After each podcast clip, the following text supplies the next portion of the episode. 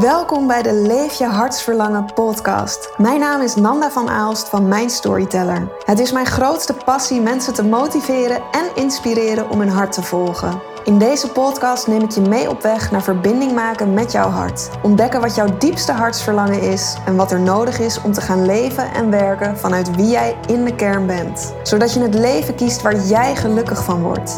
Luister naar veel praktische tips en inspirerende verhalen. Let's go! Welkom bij een nieuwe aflevering van de Leef je hartsverlangen podcast. In deze aflevering ga ik in gesprek met Anaïta, oprichter van de School of Mental Health. Ik wilde haar heel graag spreken omdat zij een super bijzonder verhaal te vertellen heeft. En dit verhaal laat zien hoe je van je grootste pijn je grootste kracht kan maken. Anita benoemt in dit gesprek zelf heel mooi dat ze gelooft dat alles in je leven gebeurt met een reden. En wanneer je haar verhaal hebt gehoord, dan begrijp je hoe krachtig het is dat zij dit geloof zo belichaamt. Dit gesprek laat zien hoe belangrijk het is om verantwoordelijkheid over je eigen leven te nemen. Verantwoordelijkheid over je eigen geluk en verantwoordelijkheid over je mentale gezondheid. Er komt ook heel veel kennis van Anaïta voorbij over hoe om te gaan met pijnlijke hoofdstukken uit je leven, trauma, belemmerende gedachten en emoties. Dit is echt een prachtige aflevering om te luisteren als jij jezelf op dit moment vast voelt zitten in je leven of merkt dat je moeite hebt om stappen vooruit te zetten doordat je verleden je tegenhoudt. Ik zou zeggen, laat je inspireren en motiveren door Anahita haar verhaal. Heel veel luisterplezier. Oké, lieve Anahita, welkom. Uh, ik vind het super leuk om met jou vandaag uh, dit gesprek te hebben. Ik uh, heb jou uitgenodigd omdat in 2019 had ik de eer om jouw levensverhaal te mogen horen en dit te vertalen naar een mooie over mij pagina voor de website van de School of Mental Health, waar jij de oprichter van bent. En um, ja, ik heb inmiddels heb ik heel veel levensverhalen mogen horen, maar jouw verhaal is me altijd heel erg bijgebleven, omdat er zoveel kracht van uitgaat. En ja, ik denk dat je heel veel mensen kan inspireren met wie je bent en wat jij hebt ervaren en hoe je dat op een positieve manier om hebt kunnen draaien naar wat je nu doet. Maar nou ja, goed, voordat ik uh, allemaal dat ga vertellen wat jij doet, dat kun jij zelf veel beter. Kun je aan de luisteraar kort uitleggen wie je bent en wat je doet? Ja, dankjewel Nanda voor je mooie woorden. Uh, ja, ik vind het zeer hartverwarmend wat je zegt. En Um, ja, nou, ik ben Anaïta en misschien hoort het al een beetje aan mijn naam. Ik ben niet Nederlands. Mijn uh, moeder is Russisch en mijn vader is Afghaans. En um, ja, ik ben inderdaad de founder van de School of Mental Health. En ik ben NLP-coach en systemisch therapeut. En daarnaast coach ik ook, um, geef ik mindset coaching sessies op uh, de Student Hotel. En dat doe ik met alle plezier. Ook al gaat het wel vaak over de wat heftigere trauma's en de heftige emoties. Ja, maar dat even in een notendop wie ik ben. Wat zou je graag nog meer willen weten? nou, we gaan hier zo uh, straks lekker uitgebreid op in. Maar ja, zoals eigenlijk in, uh, in elk gesprek uh, in de Leef je Hartsverlangen podcast ga ik dus ook met jou terug in de tijd om jouw verhaal te ontrafelen. En uh, ja, gaan we ontdekken hoe je bent gekomen waar je nu bent. En bij de School of Mental Health en wat je daarin allemaal tegen bent gekomen. En je benoemde het zelf net al eventjes dat het, het gaat vaak om de wat heftigere onderwerpen die je behandelt. Dus nou, om maar direct met de deur in huis te vallen, de School of Mental Health is ontstaan vanuit jouw trauma. En wat je nu doet met de School of Mental Health, dat, ja, dat is iets wat echt voortkomt uit wat jij zelf hebt ervaren. En de weg naar mentale gezondheid en de heling die jij zelf bent aangegaan.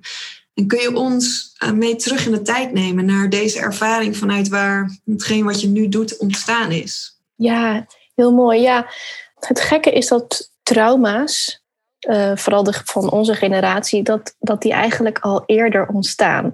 Dat die misschien zelfs in de baarmoeder ontstaan of daarvoor. Nou um, uh, is mijn vader dus een Afghaanse vluchteling. En zijn thema is eigenlijk heel erg ontworteling. Hij mocht niet meer in zijn land blijven, moest vluchten, ging naar Rusland toe. Daar ontmoette hij mijn moeder. En uiteindelijk mocht hij ook niet in Rusland blijven. Dus ja, het thema ontworteling en je niet thuis voelen, dat is een heel erg trauma, want je voelt je niet veilig in je land en je hebt geen thuis. Dat is voor ons menselijk oerbrein best wel uh, triggerend. Ehm, dus op die manier heb ik eigenlijk zijn trauma ook een beetje gedragen.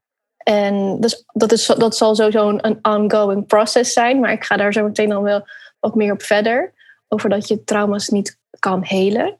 Ehm, maar je moet je er wel zeker bewust van zijn. Maar dat is eigenlijk het belangrijkste. Dat, ehm, ja, dat ik eigenlijk te maken had met een zwaar getraumatiseerde vader. En mijn vader is uiteindelijk dus gevlucht van, van Afghanistan naar Rusland en van Rusland naar Nederland. En ik en mijn moeder zijn voor gezinshereniging eh, naar Nederland toegekomen. En toen begon eigenlijk uh, ja, alle shit, om het even zo te zeggen. Een, een, vader die zich niet hier thuis voelt. En een moeder die maar gewoon, weet je, door blijft knallen en door blijft gaan. Ja, en dan, en heb je, en dan hebben ze een klein schattig dochtertje die heel lief is. Maar op een gegeven moment werden die trauma's van mijn vader, ja, werden erger en erger. En daarnaast kwam waarschijnlijk ook vanuit zijn familie dat, dat ja, praat maar niet over je, je, je, je zorgen. Weet je, gewoon lekker doorgaan, die mentaliteit. En praat maar al helemaal niet over de erge dingen die je hebt gezien of meegemaakt. Want wellicht hebben andere mensen het veel erger. Uh, kijk maar naar bijvoorbeeld zijn familieleden. Of misschien wel um, mensen die zijn overleden in een oorlog. Of... Maar goed, eenmaal in Nederland was het eigenlijk allemaal wel heel erg veilig. We hadden een dak boven ons hoofd. We hebben eerst een tijdje in het AZC-centrum eh, geleefd, asielzoekerscentrum. En uh, nou, alles was helemaal prima, totdat op een gegeven moment, ja, heb je eindelijk weer die rust gevonden. Je hebt een dak boven je hoofd, je hebt eten, je hebt een bed, je kan lekker slapen. We zijn eindelijk met z'n drietjes, eindelijk samen, eindelijk herenigd. En dan, dat, dan is het dat moment van, aha, wacht even, je psych voelt die rust.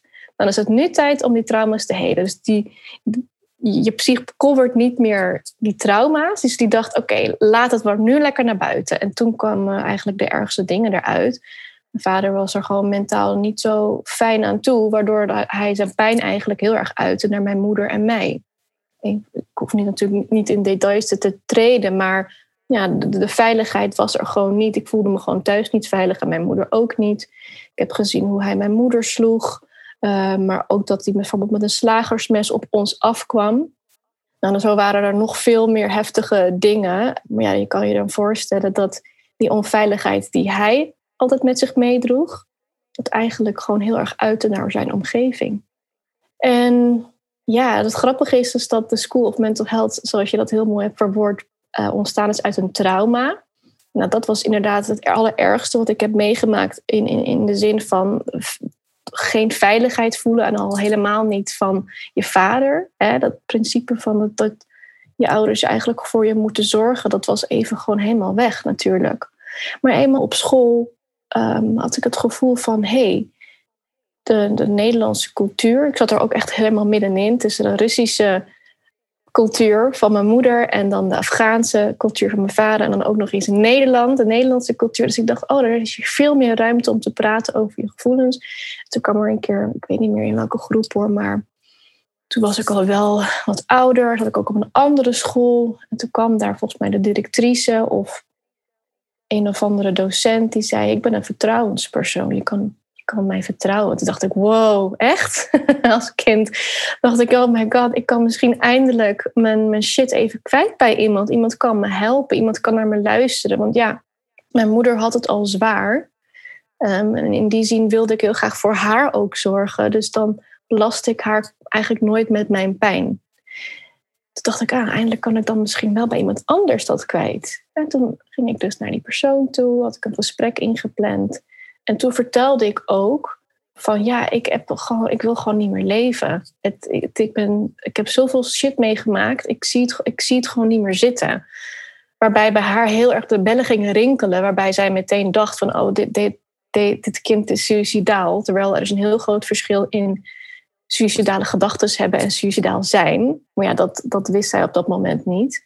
Dus ik snap wel dat haar intentie liefde was. Maar doordat zij zo getriggerd raakte, en zich eigenlijk schaamde ook waarschijnlijk, heeft zij dit bij mijn moeder uh, aan de bel getrokken. En toen waren inmiddels mijn ouders ook al uh, een tijdje uit elkaar hoor. Maar ja, mijn moeder was een alleenstaande moeder, werkte kapot hard. Ze had een fulltime job bij een, hele goede, een heel goed bedrijf, heel leuk bedrijf. En deed ook daarnaast nog allemaal cursussen. Dus zij was gewoon echt zo een boss lady. Maar ja, daarmee uh, durfde ik nog meer, zeg maar, niet het aan te gaan bij haar, bij haar, het aan te kaarten dat ik me gewoon niet goed voelde. Ja, die, die, die dame, eh, die vertrouwenspersoon, klopte dus bij mijn moeder aan met een beetje paniek, waardoor mijn moeder ook in paniek raakte. En waardoor bij mij eigenlijk het nog meer groeide dat, oh, laat ik maar de, de trauma coveren. Ik ga hier niet over praten, want dit kan niet. En um, ja, schaamte overviel me, schuldgevoel van wat doet mijn moeder aan? Ze is al zo druk, ze heeft het al zo lastig, waarom doe ik haar dit aan? En ja, daarmee zet, zette ik mezelf onbewust als kind, ja, zette ik mezelf niet op nummer één. Ik had ook niemand om me heen die me daarbij kon helpen. Dus ik merkte toen al eigenlijk dit, dit, dit, dit, klopt gewoon niet. Er klopt hier gewoon niet iets aan. Waarom praat niemand over zijn emoties en gevoelens? En wanneer ik het wel doe, dan wordt het eigenlijk alleen maar erger. Dus ja, dat taboe was in mijn jeugd al zwaar, zwaar merkbaar. Ja. Helaas. Ja, ook, nou, nou ja, sowieso, ik heb weer kippenvel nu ik, uh, nu ik jou zo hoor praten. Omdat ja, je kan je verhaal ook gewoon heel goed verwoorden. Maar ja, die taboe waar je het over hebt en, en schaamte, is dat iets, denk je, waar mensen die een trauma ervaren, waar die mee te maken krijgen, doordat de cultuur zo is ingesteld dat we inderdaad dat we daar eigenlijk niet over mogen praten. Dus dat dan dat gevoel van schaamte komt en dat je eigenlijk het bij jezelf neer gaat leggen. Want zo hoor ik het een beetje, dat je eigenlijk de schuld bij jezelf neerlegt voor de dingen die je voelt. Ja, ja, inderdaad. Er zijn denk ik meerdere aspecten die ervoor zorgen dat we schuld en schaamte voelen of minderwaardigheid. Ik denk allereerst omdat ons oerbrein ook echt heel erg gericht is op pijn vermijden, maar ook op bij een groep horen. Het allerergste wat je brein denkt, als ik niet bij een groep hoor, dan word ik buitengesloten. En wanneer je buitengesloten wordt in de oertijd, en dan ga je eigenlijk, ja, dan, heb je, dan is je overlevingskans heel klein. Dus dat brein wil zich continu aanpassen, overleven. Dus dat allereerst. En dus mijn, mijn, mijn brein werkte gewoon zo. Vooral het kinderbrein die denkt, nou, uitsluiting is het ergste wat je kan ervaren. Want als kind heb je natuurlijk ook echt je ouders nodig. Dus daardoor was het ook best wel heftig dat mijn vader mij dit heeft aangedaan. Zo voelde dat, dat natuurlijk toen der tijd. Maar ook dan in de combinatie met een hele krachtige, rationele, sterke moeder. Um, ja, ik moest me ook een beetje aanpassen aan haar gedrag. Dat vond ik ook best wel pittig en heftig. Want ik weet van nature dat ik meer echt, eh, ja, ik ben hoogsensitief, wat gevoeliger, wat zachter. Uh, mijn moeder is juist meer sportief, wat krachtiger, heeft meer die mannelijke energie in zich, wat ook helemaal oké is.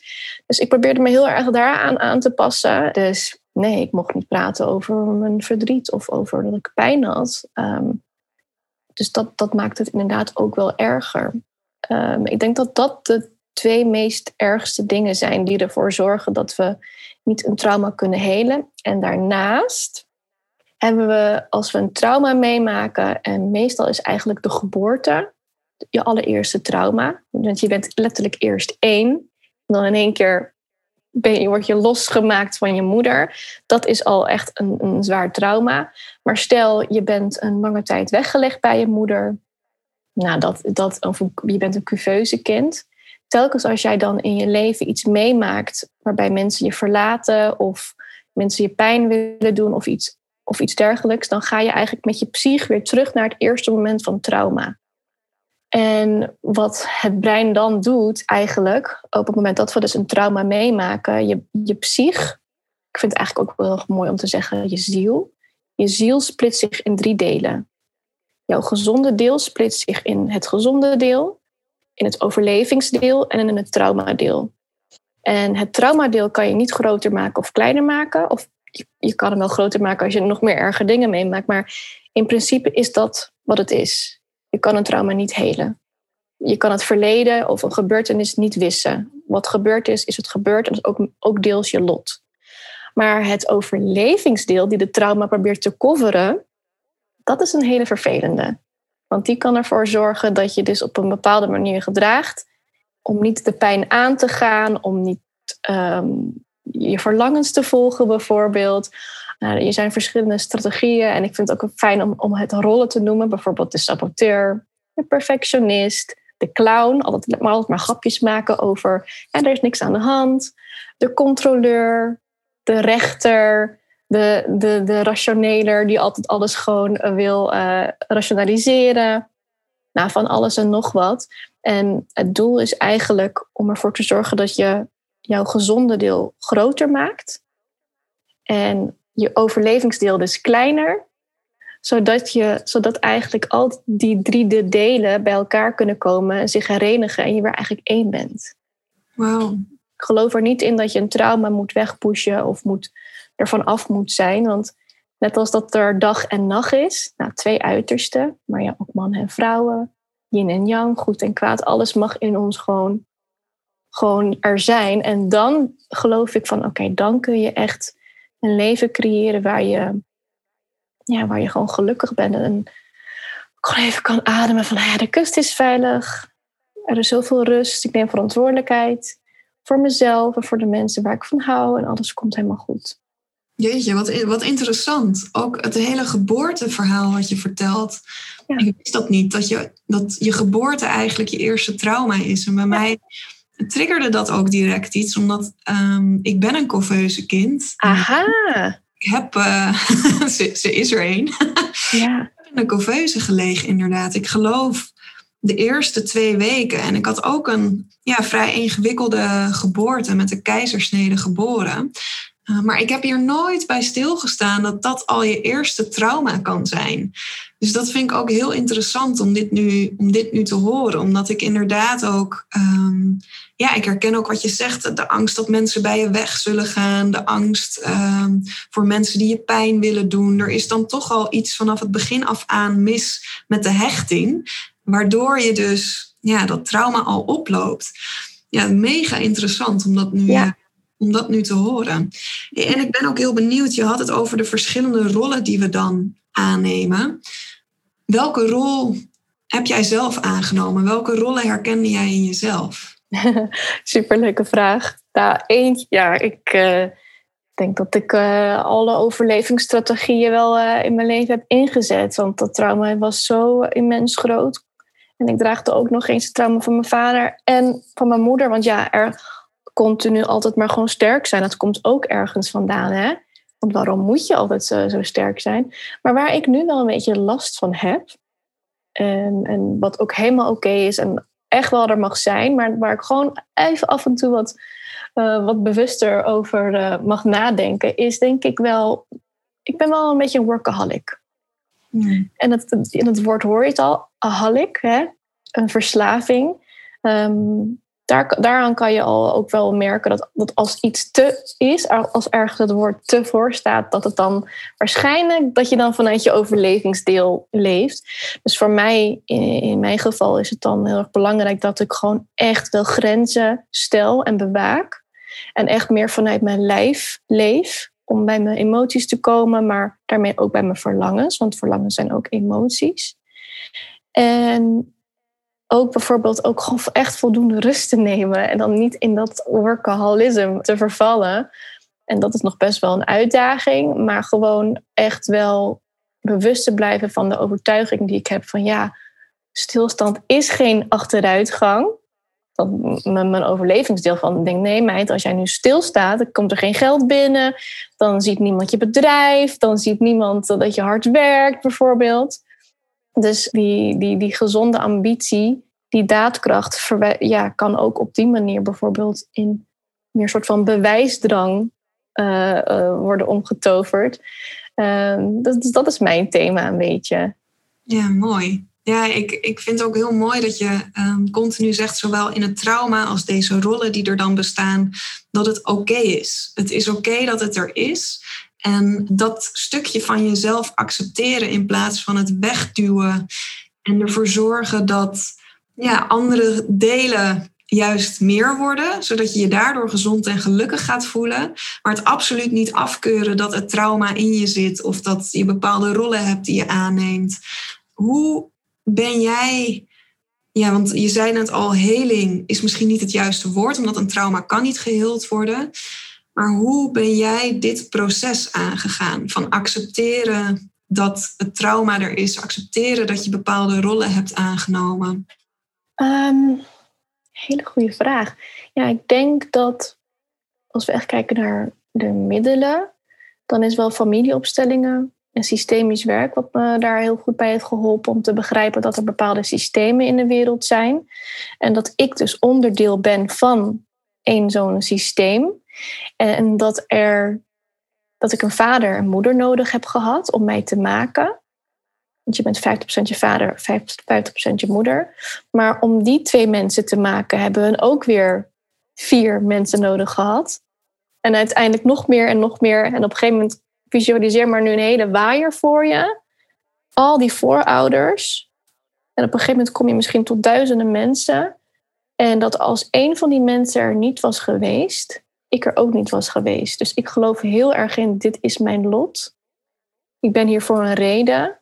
En dat geeft me gewoon zoveel meer rust. En ook om te begrijpen dat alles in mijn leven gebeurt voor een reden. En dat ik ook op die manier, een van je overlevingsdelen is ook bijvoorbeeld uh, controle willen uitoefenen.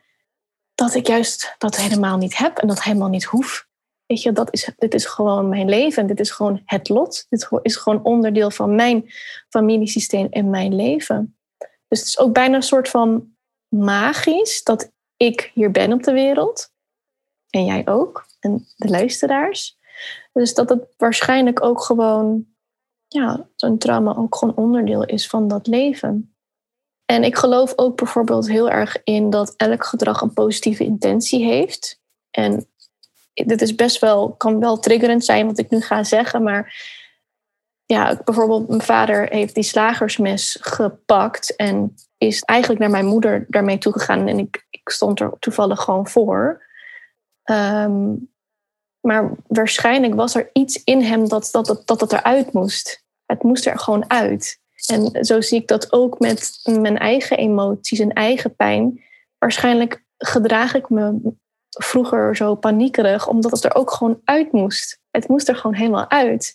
En dus ik geloof echt dat alles een positieve intentie heeft. En ja, wat me ook heeft geholpen is om persoonlijke ontwikkeling uh, meer te zien als een proces dan een einddoel.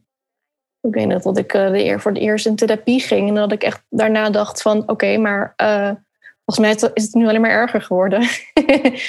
van oh, dus heel vaak als mensen door mij gecoacht worden, dan denken ze ook van oh, jij gaat me helpen om net zo te leven als, als jij dat doet.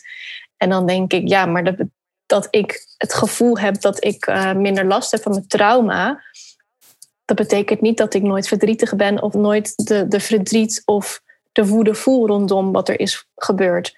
Ik heb nog steeds wel, als ik bijvoorbeeld slecht heb geslapen, veel suikers heb gegeten, gewoon even niet goed voor mijn lijf heb gezorgd, dat ik dan opeens denk van, oh, jeetje, ik mis wel mijn vader eigenlijk. Oeh, oh, komt dit gevoel vandaan? Eh, en ik blijf daar gewoon bij. En ik ga mezelf ook niet beoordelen van, oh, je bent, uh, zie je nou wel, uh, je hebt er nog steeds last van. Dat is dan meer je mind, je ratio, die, die, die even lekker komt bemoeien. En ook rationaliseren is een, een, deel van je overlevingsdeel, ook een strategie. Ja, dus ik, nou ja, ik hoor hier eigenlijk gewoon drie mega mooie dingen die je meegeeft. En ook wat ervoor heeft gezorgd dat jij jouw pijn eigenlijk hebt om kunnen zetten in een, in een kracht. En dat dit ervoor zorgt dat, ja, dat hetgeen wat je nu doet, je anderen helpt. En ja, dat je wat jij hebt meegemaakt op die manier, op die positieve manier nu in kan, kan zetten. Wat je dus al zei, het is het, ik geloof heel erg in het lot. Dat alles wat ik meemaak, dat dat voor een reden is. Dus daar horen alle positieve dingen horen daarbij, maar daar horen ook alle ja, pijn en verdriet en dergelijke hoort daarbij, want daar zitten weer lessen in uh, die we leren. En dat je zegt, zie dingen vanuit een positieve intentie. Dus weet dat als mensen op een agressieve manier reageren of uh, op een kwade manier of wat dan ook, wat er omhoog komt, dat er altijd nog iets onder zit van een emotie die eigenlijk losgelaten moet worden ja. en uit moet worden. En dat gebeurt op zo'n uh, dat gebeurt op zo'n manier. En ja, dat, dat, uh, we zien in eerste instantie zien we het kwaad, maar er zit eigenlijk zit er nog iets, iets diepers zit daarachter. En wat je ook zei, de persoonlijke ontwikkeling, ja, dat is gewoon een proces en dat is geen einddoel. Dus als je met trauma te maken hebt, streef niet naar en nu ben ik er van af en nu uh, voel ik me 365 dagen per jaar gelukkig en vredig en rustig. En, maar het is gewoon een ongoing, ongoing proces. Ja, heel mooi gezegd. Ja, stel je voor, uh, je wilt slank zijn, hè? En dan ben je, eh, heb je eindelijk dat geweldige lijf waar je altijd van droomde. Dat, dat is geen garantie voor geluk, toch? En zo is dat eigenlijk ook een beetje met heling en uh, werken aan je uh, persoonlijke ontwikkeling. Ja, trauma's helen, nee, daar geloof ik niet in, maar zeker wel het, het helen van je overlevingsdelen. Want dat, dat, die dienen ons gewoon niet meer, want we leven in een in een veilige omgeving. Ik bedoel, we hebben een dak boven ons hoofd, we hebben een bed, we kunnen slapen, we kunnen eten. En stel we verliezen onze baan, dan is er altijd tot op een zekere hoogte de overheid of mensen om ons heen die ons kunnen helpen op financieel vlak. En wat misschien ook wel heel erg leuk is om daarnaar te kijken, is transgenerationele trauma's. En er is dus een heel mooi wetenschappelijk onderzoek waarbij uh, ze de kleinkinderen gingen onderzoeken van mensen in de Tweede Wereldoorlog.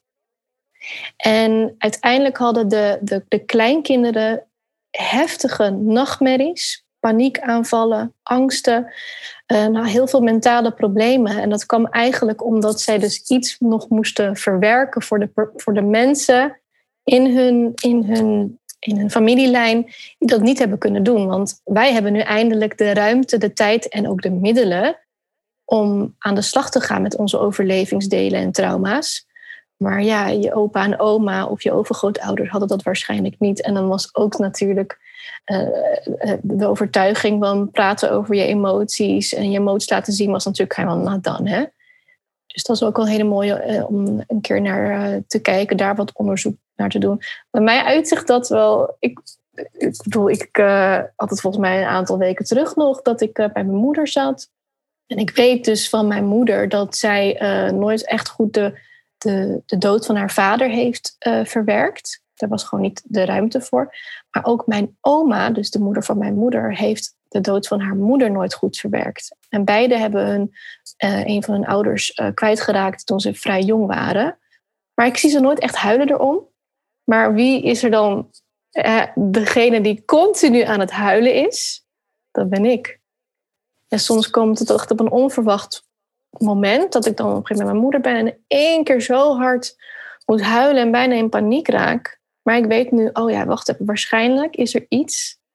Want vanuit hè, die angst voor uitsluiting, maar ook vanwege de loyaliteit en de liefde, is de positieve intentie van mijn gedrag. Aha, ik moet dus iets verwerken voor, voor iemand in mijn familielijn. En dat draag ik, dat doe ik met alle liefde. Ik heel dat, ik verwerk dat en ik geef het dan terug. Dat is eigenlijk gewoon de, de, een nieuw patroon die je zelf moet aanleren. Ja. ja, mooi dat je jezelf daar ook bewust van kan zijn. Dat dat niet een stukje van jezelf is, maar dat dat dus een stukje is vanuit je familie. Ja. Uh, geheeld mag worden. En als ik er nu zo over nadenk, dan denk ik ook, jeetje, wat, ja, wat dragen we eigenlijk dan allemaal veel met ons mee? Hè? Dat we dragen niet alleen dingen van onszelf mee, maar we krijgen ook te maken met inderdaad al die generaties die voor ons zitten. Uh, en alles wat daarin gebeurt ja, het is eigenlijk niet gek dat we heel erg toe zijn aan ja. over mentale gezondheid. Want er valt veel over te leren. Maar daarom zijn er ook gewoon heel veel mensen die nu psychologische hulp nodig hebben. En daarom zijn er ook gewoon, geloof ik, nu zoveel platformen over persoonlijke ontwikkeling, zoveel boeken, zoveel zelfhulpboeken, zoveel coaches en psychologen. Uh, ja, dat, dat is ook gewoon hard nodig, geloof ik. Ja, en nou, wat jij ook zegt over dat het goed is om dan uh, jezelf daar bewust van te zijn en, en terug te gaan en dat te gaan helen. Wat ik dus zo krachtig vind aan, aan jou, is dat jij hebt uiteindelijk zelf volledig die verantwoordelijkheid genomen over jouw proces, over jouw mentale gezondheid. En ja, dat vind ik, dat is een stuk wat ik heel interessant vind. Want dat is denk ik ook een belangrijk stuk om uiteindelijk gelukkig te worden en vanuit plezier te leven en je hart te kunnen volgen. Maar ja, tegelijkertijd is dat ook niet makkelijk, want we zijn ook snel geneigd om in de slachtofferrol te kruipen en met onze vinger naar anderen te wijzen. Of te zeggen, weet je, door jou voel ik me nu zo, of door deze situatie voel ik me, voel ik me nu zo. Ik kan daar niets aan doen.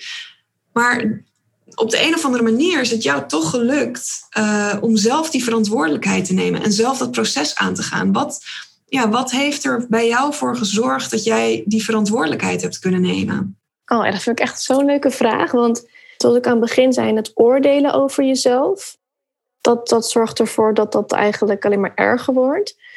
Maar wat daar ook aan gekoppeld is, is niet meer denken in uh, slachtoffer en dader.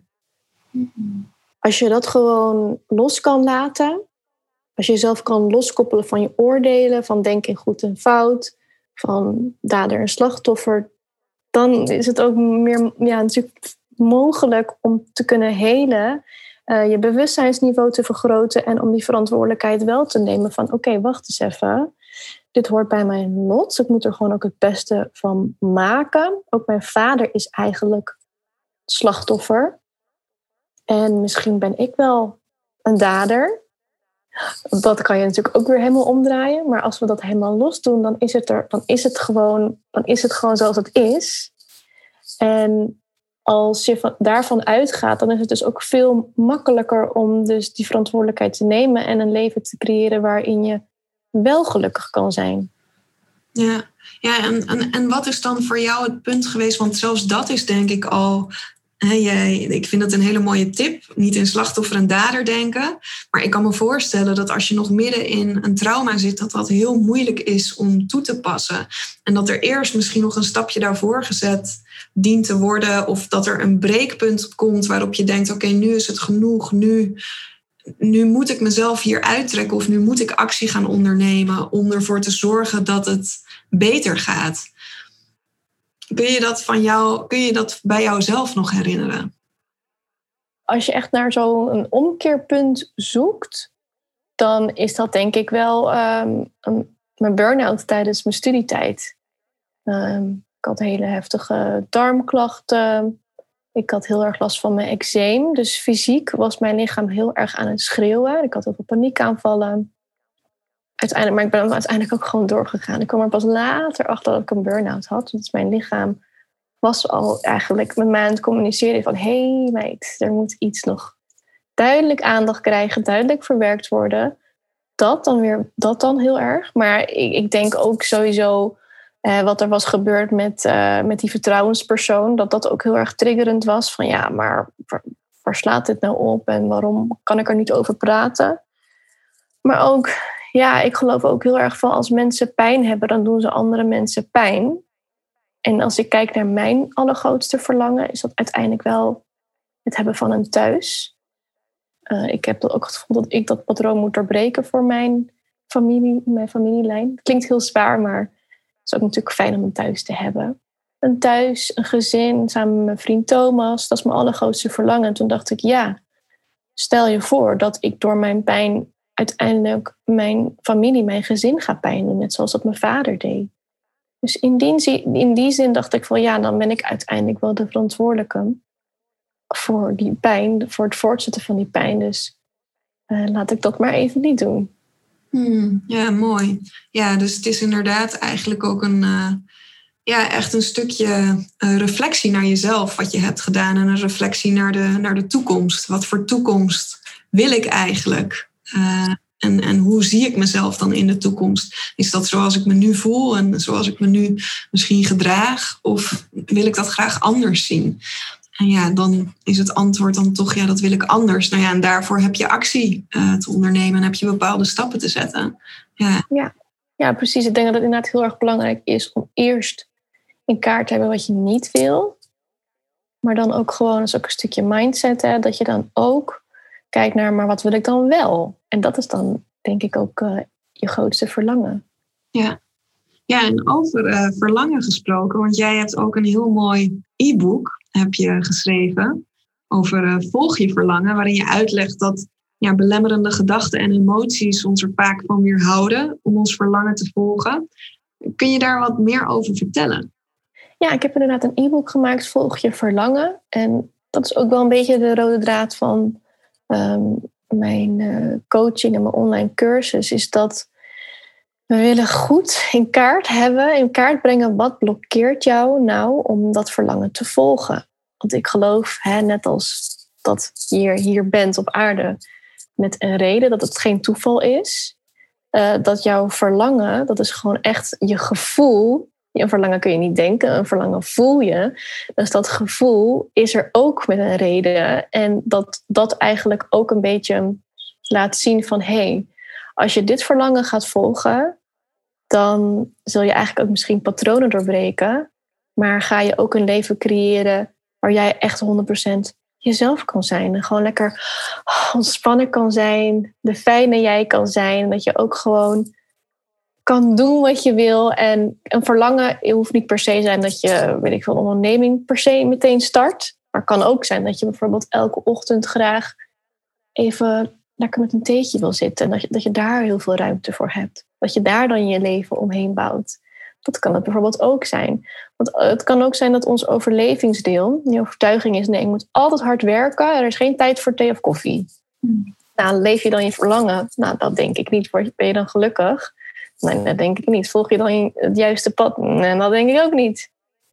Ja, ja dus het kan, het kan hem in hele kleine dingen kan het hem al zitten eigenlijk. Ja, ja.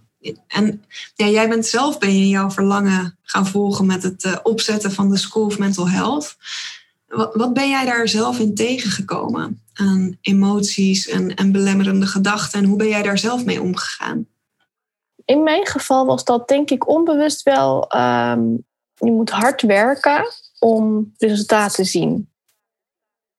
En dat belemmert mij eigenlijk uh, wel heel erg, want ik wil, ik wil niet zo leven. Ik wil juist meer leven vanuit flow, vanuit dat alles gebeurt voor een reden, dat alles goed komt, vanuit vertrouwen en vanuit rust.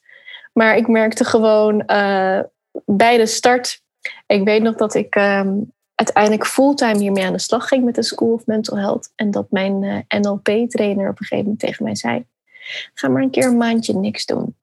Je hebt nu eindelijk de tijd, je hoeft niet meer fulltime te werken. Ga maar een keer een maandje niks doen. En dat triggerde mijn overlevingsdeel natuurlijk. Die dacht: stilstand is achteruit gaan. Hè? Je ego hoort ook bij dat overlevingsdeel. Ik dacht: Oké, is goed. Ik ga, maar, ik ga het proberen. Ik ga deze challenge aan. Ik: Oké, is goed. Eh, ik laat zien dat ik het wel kan. Nou, het was echt de meest heftigste maand die ik ooit heb meegemaakt. Ik hou niet van sporten.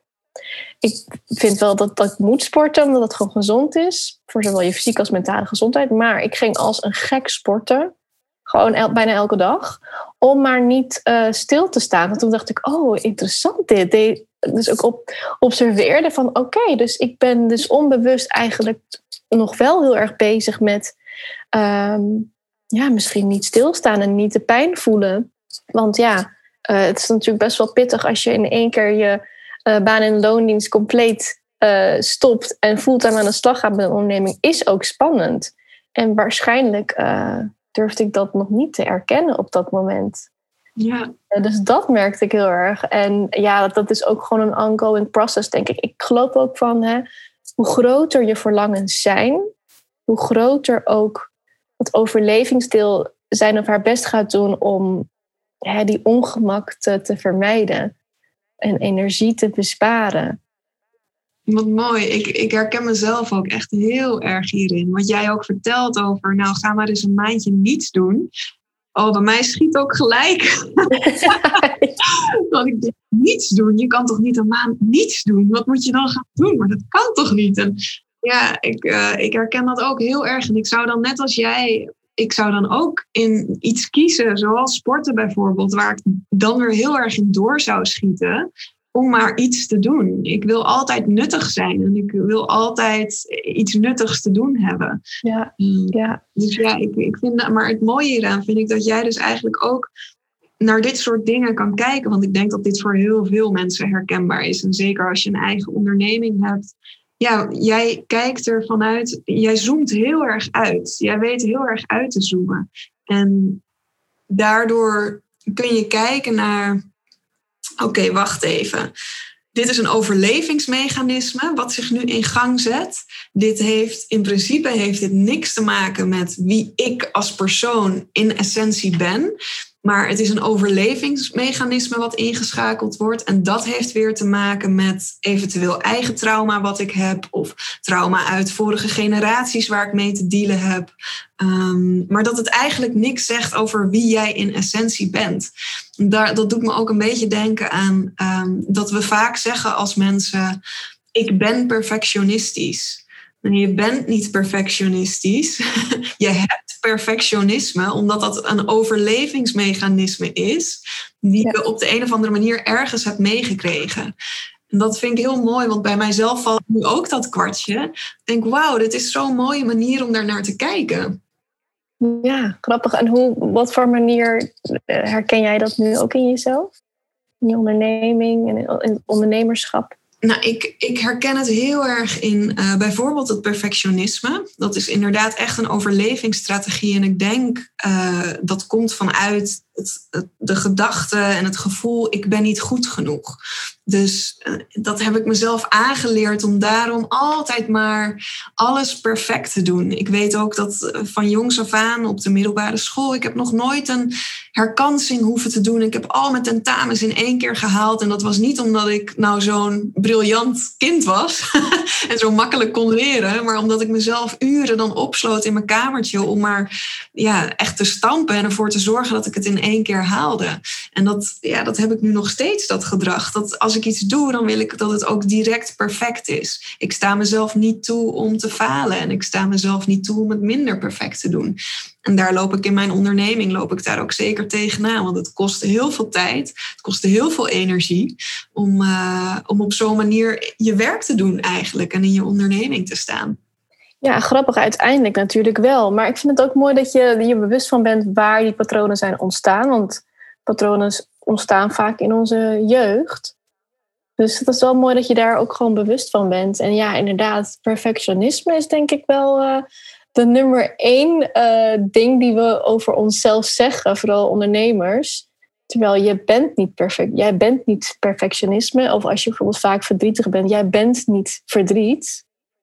Maar jij hebt verdriet en dat is gewoon een onderdeel van jou. Ja. Dat vind ik ook heel mooi hoe je dat hebt omschreven. Ja, ja en dat, dat, dat kan nu ook heel mooi om nu eventjes ook weer het linkje te leggen naar eh, jouw ervaringen vanuit je jeugd en met je vader, wat daarin is gebeurd nou, die, die woede en die agressie die er dan uitkomt, dan zou je dat ook zo kunnen zien als nee, hij, hij is niet agressief en hij is niet kwaad, maar hij heeft die agressie en hij heeft die woede.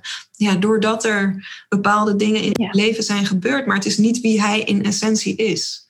Nee, je gedrag staat niet voor wie jij bent. Ja. Het gedrag van een ander staat niet voor wie de persoon in werkelijkheid is. Hij heeft slecht gedrag vertoond, maar hij is geen slecht persoon. Ja, ja. prachtig. Hey, wat is nou de belangrijkste boodschap die jij vanuit de School of Mental Health, maar misschien ook vanuit jezelf, mee zou willen geven? Ja, ik denk dat het heel belangrijk is dat je kennis hebt over hoe je brein werkt. Ons brein is zo geprogrammeerd om te overleven en niet om continu geluk te ervaren dat is een illusie. Dat je, als je goed voor je mentale gezondheid zorgt, naar, weet ik veel, een psycholoog gaat, naar een coach gaat, dat je dan voor altijd gelukkig zal zijn. Dat is een illusie. Laat dat helemaal los. En neem inderdaad de verantwoordelijkheid om voor jezelf te zorgen. En dat doe je echt door minder te gaan oordelen. Minder oordelen over jezelf, minder oordelen over anderen. Dat gaat je veel meer die rust en ontspanning en vertrouwen geven om een leven te creëren waar je ja, voldoening uit kan halen. Ja, prachtig. Ja, mooi. Dat vind ik ook een hele mooie samenvatting van wat toch wel heel erg naar boven is gekomen in dit gesprek, is vooral die acceptatie inderdaad. Het is oké, accepteer. Ja. ja, alles mag er gewoon zijn. Zowel het goede als het kwade. zowel eh, negatieve emoties als de positieve emoties. Ja, Ja, zeker.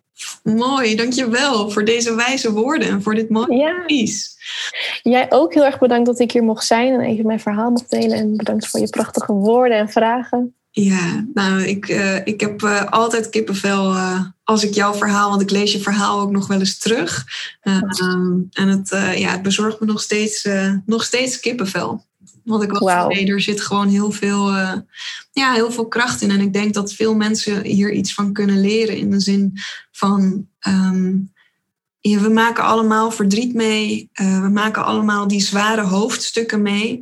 Maar het definieert je niet als persoon. Eh, Het definieert niet wie jij in essentie bent.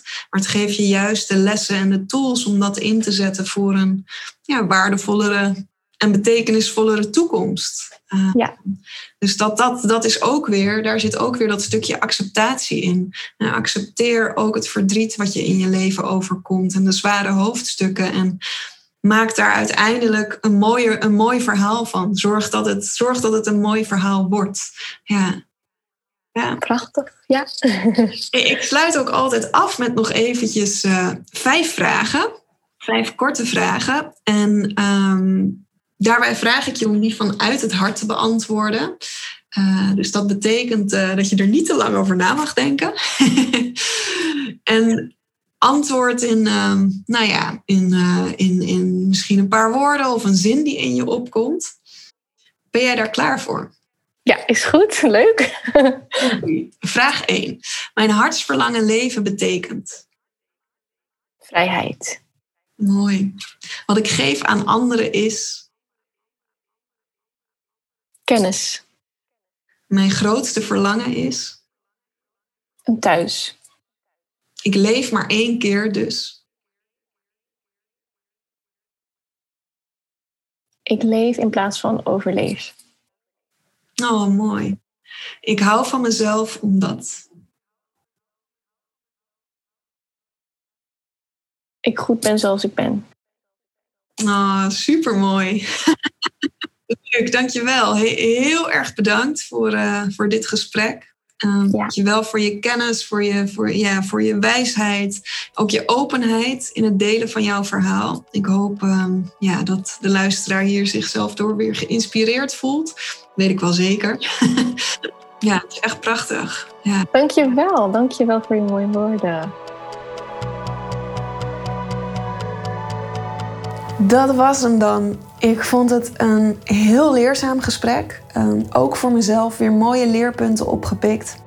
Als je Anahita wil volgen, dan kan dat via het Instagram-account The School of Mental Health en via haar website www.theschoolofmentalhealth.com. Ik zet het ook in de show notes erbij. En laat het ons vooral even weten als je geluisterd hebt door een screenshot te maken en mij of Anahita te taggen. Dat vinden we echt superleuk. Oké, volgende week ben ik bij je terug met een nieuwe aflevering van de Leef je Hartsverlangen podcast. Tot dan!